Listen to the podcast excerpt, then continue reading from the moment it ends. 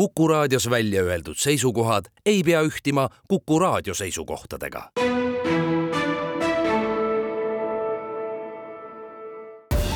Tartu linnasaade tere kuulama saadet, mis räägib Tartu südalinna kultuurikeskuse projekteerimisest, Raekoja platsi tagasi jõudnud suudlevate tudengite kujust ning vabariigi hooldustöötajate kutsevõistlusest ja selle ametipidajate koolitamisest. Intervjuud on teinud Madis Ligi abilinnapea Elo Keibet, millised suunad on nüüd äh, Tartu linn projekteerijale andnud? Äh, need suunad, mis on antud, on tegelikult täpselt sama, mis on võistlusülesanne, sest seal on need põhimõtted välja toodud.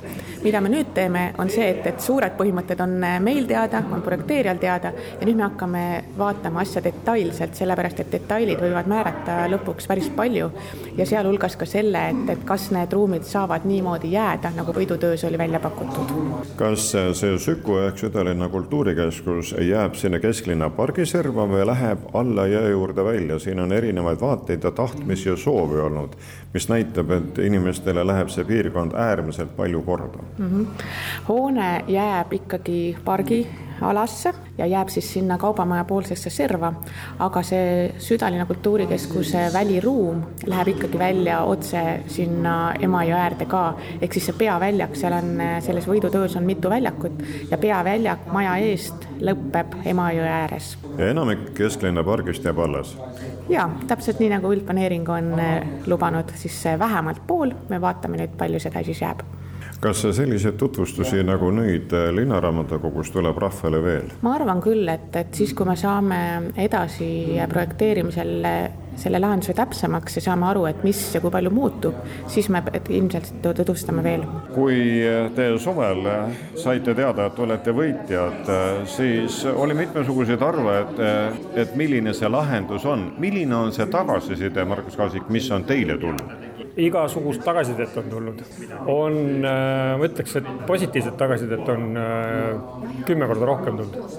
et äh, aga on ka teistsuguseid arvamusi, aga see on nagu ju loomulik, et inimestel on erinevad arvamused. eriti kui kesklinna midagi tuleb. jah et seda kindlasti noh, see on ju kõigi tagahoov. Te siin projekteerimislepingu allkirjastamisel tõite välja need töötunnid ja numbrid, mis siis teil kulusid selle esimese konkursi peale. kuidas olete planeerinud nüüd projekteerimist? Need töötunnid saavad olema massiivsed, ega kuna ja siin on ka väga palju osapooli, seal võib olla üle saja inimese, kes sellega koos projekteerimisega töötavad, seal on kümned tuhanded tõenäoliselt lendavad, et ega see, seda noh, viis aastat on see tegelikult see projekteerimislepingu aeg. see on koos ehitusperioodiga. üks aasta, esimene aasta on siis eskiis ja eelprojekt, teine aasta on põhiprojekt ja siis circa nii ja siis, siis on ehitamisega koos on siis tööprojekt. linnapea Urmas Klaas, tegu on ilmselt ülikoolilinna ajaloo kõige suurema projekteerimislepinguga kindlasti on äh, tegemist äh, väga suure kultuuriobjektiga ja Tartu linn ise ei ole nii suurt äh, investeeringut kultuurivaldkonda teinud, kui me praegu tegemas oleme. me ehitame uue kodu kesklinna Tartu linna raamatukogule ja kunstimuuseumile koos nende tegevusteks vajalike lisaruumidega nagu ikka, kui midagi ülikoolilinnas kesklinna plaanitakse, siis on mõtteid väga palju ja need on väga erinevad ja nii ka pärast suvist võitjate avalikustamist leidus neid mõtlejaid ja suunajaid veel. kas rahad on kuidagi nüüd tagasi tõmmanud oma esialgseid plaane või see mõte, mis on olnud, sellega lähete ikkagi edasi? maht jääb samaks. on selge see, et eh, nii suured objektid tekitavadki diskussioone ja see on täiesti loomulik ja nii see peabki olema. võidutöö Paabel oli kõige tugevam töö, kõige paremini läbimõeldud ja tõesti selline, et inimesel oleks meeldiv sinna minna ka viletsa ilmaga sest valdavalt ikkagi on ju meil, meie kliimavöötmes selline ilm, kus me peame olema ja oma toredaid tegevusi tegema siseruumides. Aga Paabeli puhul on oluline, et ta moodustab terviku nii välialade kui ka siis selle, selle hoone vahel, üks tervik ja hoone pargis, mitte pargi asemel ja, ja kooskõlas nii jõeäärsega, Vabaduse puiesteega kui, kui ka Uue Turu tänavaga. arhitektide huvi näitab see, et äh, konkursile laekus ikkagi sada kaks tööd. planeerida midagi, projekteerida midagi kesklinna on iseenesest väärtus omaette ju. kindlasti meie arhitektuurikonkurss äratas maailmas ja ka Eestis väga suurt äh, tähelepanu. üle saja töö räägib iseenda eest ja see, et Eesti tipparhitektid, kus on esindatud nii hoonet kavandavad arhitektid kui ka maastikuarhitektid, võitsid, näitab kindlasti seda, et Eestis on maailmatase ja näitab kindlasti seda, et, et meie arhitektid äh, mõistavad väga hästi, millist hoonet ja kooskõlas väliruumiga on Tartusse kui Eesti vaimupealinna vaja poliitilist taset näitab aga see, et Tartu südalinna kultuurikeskus on Riigikogu poolt valitud viie objekti hulka, mida siis rahastada. milline on siis riigi ja milline Tartu osa? riigikogu on otsustanud, et Tartu südalinna kultuurikeskus on riiklikult tähtis kultuuriobjekt number üks me kuuleme siin ja seal äh, juttu ja vaidlusi küll Estonia teatri ümber, selle üle, et Eesti Rahvusringhäälingule on uut maja vaja ja kõik nii edasi. ja selles mõttes on äh, oluline teada, et Tartu südalinna kultuurikeskuse rahastamisleping Kultuurkapitaliga on sõlmitud juba mõnda aega tagasi.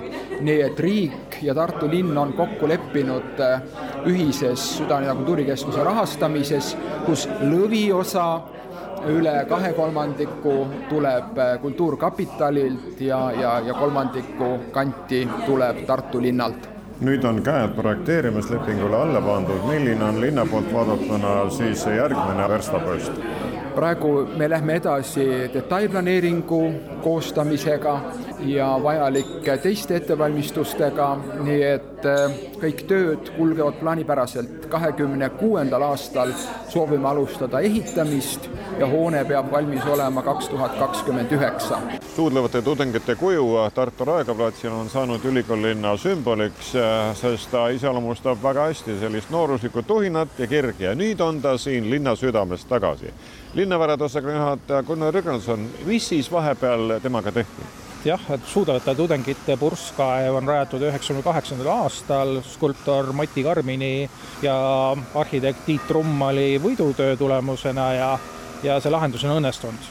et ta on saanud ühe Tartu linna oluliseks sümboliks, arvestades seda perioodi, kakskümmend viis aastat, siis tehnosüsteemid vajasid purskkaevul vahetamist purskkaev ka skulptuur ise vajas korrastamist, seal oli tekkinud mõned mõrad, mis vajasid pronksiga täiskeevitamist ja hiljem ka skulptuur siis töötlemist. väliselt on kõik samamoodi, ümbrust on tänapäevastatud, uuendatud, kuid mis purskkaevu sees ja all on toimunud? et eesmärk oligi, et purskkaev näeks välja nagu ta esialgselt on kavandatud, oluline muutus on siis valgustuses, et on lisatud siis erivärvi valgustamise võimalus, kokku on see nelikümmend kaks erinevat LED-valgustit millega siis saab anda erinevaid värvilahendusi, kas kollast, punast või erinevat tausta.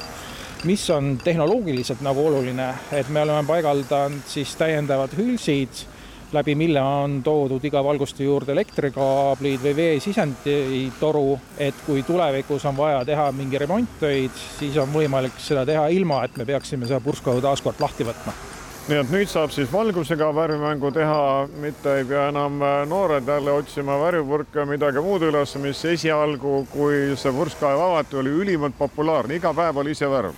seda küll jah, täna annab valgustusega seda muuta. Ja meil on olemas ka häire veateadud äh, automaatikasüsteemid, mis siis võimaldavad äh, riketes kohe märku anda, lisaks on paigaldatud kõrvalhoonele ilmajaam, mis siis võimaldab suurte tuulede korral vähendada veesurvet et vesi ei satuks väljapoole purskkaevu. purskkaevu vett töödeldakse, et ta oleks äh, võimalikult äh, ohutu ja, ja tagaks äh, purskkaevu pikaaegse kasutuse, ehk siis tekiks vähem katlakivi. kaua ta hooaeg kestab, kas see automaatika sätib ära, millal siis purskkaev läheb talvepuhkusele või tuleb ise keerata? purskkaevu kinnipanemisel on ikkagi vaja ka töömehe kätt ja, ja eesmärgiks on täna ikkagi, et sellel hetkel, kui temperatuur läheb püsivalt alla miinuskraadide, siis purskkaev suletakse. vaadates tänaseid ilmaprognoose, võiks öelda, et vähemalt nädala-kaks saab veel purskkaev sellel aastal toimida. Linnasaade seitsmes vabariiklik hooldajate kutsevõistlus annab põhjuse sellest valdkonnast rääkida natukene laiemalt, olles siin Tartu Tervise Kõrgkoolis, kus ka hooldustöötajaid ette valmistatakse. Maire Koppel, kui paljud on siis esindatud sellel oskuste-teadmiste proovil? viisteist asutust on kohal ja kokku on kolmkümmend võistlejat ja kõik on töökohapõhised et meil ei ole kooliõpilasi, meil on need, kes töötavad. kas see on individuaalne või võistkondlik? siin on äh, võistkondlik võistlus või ülesanne ja on individuaalülesanne, nii et mõlemad, et päris suur pädevus peab olema. mitu ülesannet äh, lahendamist ootab? Marilyn ütleb nüüd täpselt. jah, mina Marilyn Benita kodust olen siis korraldaja, et äh, kirjalikku ülesannet, kus on meeskondlikult vaja siis kokku kirjutada hooldusplaan, leida hooldusprobleemid ja vastata veel hooldusplaanile teemalistele küsimustele, on kokku kolm kolm erinevat, et meil on äh, gruppidesse jaotatud värvide järgi, nii et, äh, et natukene on ülesanded erinevad. siis individuaalne ülesanne on äh, üks ja sama, ühesugune ja seda siis proovib viisteist võistlejat lahendada oma oskuste kohaselt. aga oleme juba aru saanud, et et läheb nii ja naa, et tehakse vigu ka, aga vead ongi õppimise koht ja siis me saame ainult paremaks. päris tulemusi veel ei tea, oleme poole peal no eks iga võistlus, äh, ka teie oma, peab ikka natuke närvi püsti ajama, et õige tunne oleks. Äh, see ajab jälle vale raja peale teinekord. Äh, noh, eks see on ikka jah, et pinge tekib ja selline, kui ikka kaks kohtunikku valvab, vaatab täpselt ja kirjutavad kõik tegevused ülesse ja, ja eks see natukene muidugi pingesse, aga põhiline ongi ajada rahulikuks ja mõelda rahulikult läbi, mis siin kirjas on, aga teinekord nad siis ütlevad pärast võistlust, et, et ma isegi ei saanud kõigest aru, mis seal kirjutatud pakutud oli, et eks see ajab närvi sisse. tõeline võistluskeskkond ja see ajaline piirang ka ja tegelikult ju töö juures on meil samamoodi, et, et me võime tahta ühe elaniku juurde jääda tunniks ajaks rääkima, aga paraku võib-olla teises toas on ka vaja rääkida, nii et see ajaline piirang on nii töö juures kui siin võistlustel kuid iseenesest see võistlus kui selline ise näitab juba, et hooldustöötajad ja nende juhendajad tahavad tõsta taset ja paremale aujärjele, tõmmata tähelepanu ja innustada neid inimesi, kes on selles valdkonnas ja kutsuda uusi. muidugi ja mina korraldajana pean ütlema, et sellist asja pole enne juhtunud, et kõik osalejad on kohal ja kõik meeskonnad on kohal, nii et super, meil on väga hästi õnnestunud üritus juba, isegi kohalviibimise mõttes on ju iga võistleja on võitnud tegelikult. Tartu Tervishoiu Kõrgkooli esindaja, kes on lahke võõrustaja. kohtunik astus ka meie juturingi, kui palju siis punkte annate, millest milleni? Äh, ikka sellest selleni, mis tehtud on, ega täpset skoori ei saa ma praegu veel välja hõigata sellepärast et hindamismaatriksi arutelu tuleb siis, kui kõik võistlejad on võistelnud, aga ülesanne on läbi mõeldud ja väga põhjalikult kokku lepitud, mille eest punkte saab ja kui palju neid saab. ikka kõigub, nii nagu alati igasugused sooritused, individuaalsed erinevused on olemas, aga tegelikult ei ole suur kõikumine, sest need inimesed, kes võtavad südamerindu ja ja tuju heaks ja siia võistlema ja mõõtu võtma tulevad, need on juba niigi tublid ja targad ja, ja nende teadmised ja oskused ei kõigu enam no selle konstateeringu pealt jõuame nüüd kaadriõpetuse juurde. Te iga päev, äh, täna olete kohtunik, kuid iga päev õpetate neid inimesi, kes tahavad siis sotsiaalvaldkonda tööle minna. kui populaarsed on äh, need erialad siin Tartu Tervise Kõrgkoolis, äh, mis siis võimaldavad minna meie sotsiaalhoolekandeasutustesse mm,? no populaarsusele mängib olulist rolli see, kui riik kehtestab seaduse, et inimestel peab olema tasemeharidus ja ja kutsetunnistus, kui, kuni jätkub see, et võib minna tänavalt tervishoiu või hoolekandeasutusse sisse ja sind võetakse sinna tööle, seni see õppimine väga populaarne paraku ei ole, sellepärast et tööd tuleb teha palju. tasemeõppes õppimine ei ole nii nagu noh, tulevad aeg-ajalt inimesed meile selle ootusega, et ta, ta tuleb, ta istub oma tunnid ära, saab selle eest tunnistuse ja teda võetakse lahkesti tööle, sest tal on olemas tunnistus. aga tasemeõppes õppimine ei ole see, et ma tulen ja istun, vaid see tähendab seda, et ma tulen, ma olen siin oma saba ja sarvedega, ma teen neid ülesandeid, ma õpin, harjutan ma mõtlen selle üle, kuidas ma tegutsen, ma käin praktikal, ma saan kogemusi õppest ja, ja, ja töökohalt, et tasemeõpe ei ole, tasemeõpe ei ole kindlasti nalja tegemine. milline on aga teiepoolne peegeldus siis vabariigi hoolekandest? no mina ütleks, et väga arenev ja hästi, aga mina tahan rõhutada seda, et äh, hooldekodus võib töötada õppinud hooldaja ja haiglas võib töötada inimene tänavalt seal ei ole haridusnõuet. et mina tahaks öelda, et halloo, kus on meditsiin, et me oleme läinud meditsiinist mööda, meil on ainult õppinud töötajad ja meil on kutsevõistlus. haigla hooldajatel ei ole kutsevõistlust.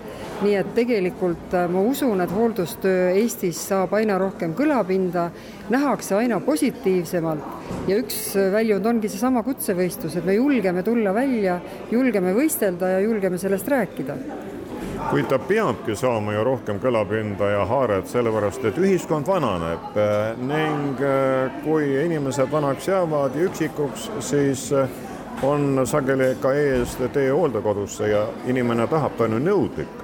Ka vanas eas, ta tahab saada korralikku teenust.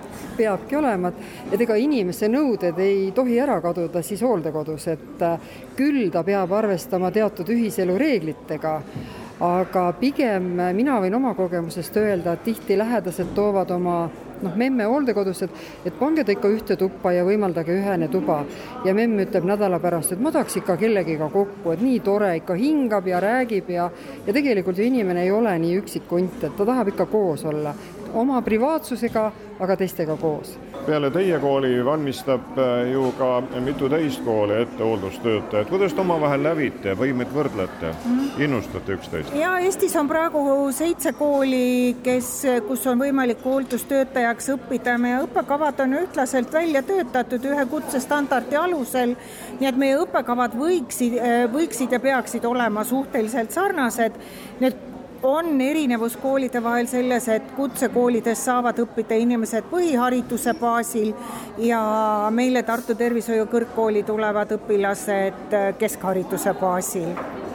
ja me võrdleksime üksteist hea meelega, et äh, haridus- ja Noorteamet veab eest äh, kutsemeisterlikkuse võistlust Noormeister, mis nüüd juba mõnda aega on väga atraktiivne ja ka televoorudega ja paraku hooldustöötaja õppekaval on see mitmel aastal jäänud äh, korraldamata sellepärast, et hooldustöötajaks õpivad reeglina küpsemas eas inimesed.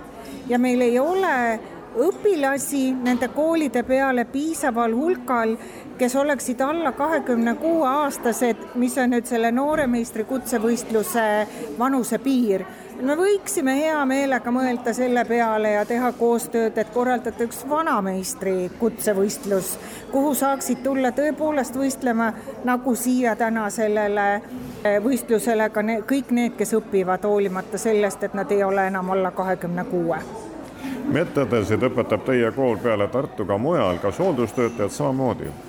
meie oleme praegu sellel õppeaastal peale Tartu veel õpetamas Narvas, Narva haigla juures ja Võrus Lõuna-Eesti haigla juures. aga oleme õpetanud väljaspool Tartut küll veel Jõgeval ja Põlvas ja ja no Viljandis päris mitu satsi ja Võrus on nüüd ka ikkagi meil juba kolmas nii-öelda koostöökohtumine. lisan siia ka võistluste protokolli. üldvõitjaks tunnistati Alutaguse hooldekeskuse hooldustöötaja Diana Tuudina ning võistkondlikus arvestuses võitsid Anneli Elomets ja Küllike Timm Koori hooldekeskusest nii palju tänaseks, jõudsime rääkida Tartu südalinna kultuurikeskuse projekteerimislepingu allkirjastamisel nii sellest, mis ees seisab, kui ka millised on järgmised sammud peale projekteerimist. selgitusi andsid abilinnapea Elo Kiivet, Markus Kaasik arhitektuuribüroost kolm pluss üks ning Tartu linnapea Urmas Klaas uuesti Raekoja platsi jõudnud suudlevate tudengite kojust rääkisin linnavarade osakonna juhataja Gunnar Jürgensoniga ning vabariigi hooldustöötajate kutsevõistlusest ja koolitamisest sotsiaalasutuste juhtide nõukoja juhatuse esimehe Maire Koppeli, võistluste korraldaja Marilyn Vaksmaniga, kes igapäevaelus Benita kodu juhatuse liige ning Tartu Tervishoiu Kõrgkooli kutseõppeosakonna juhataja Tiina Uusmaga. saate pani kokku Madis Ligi aitäh kuulamast, olge terved. Tartu linnasaade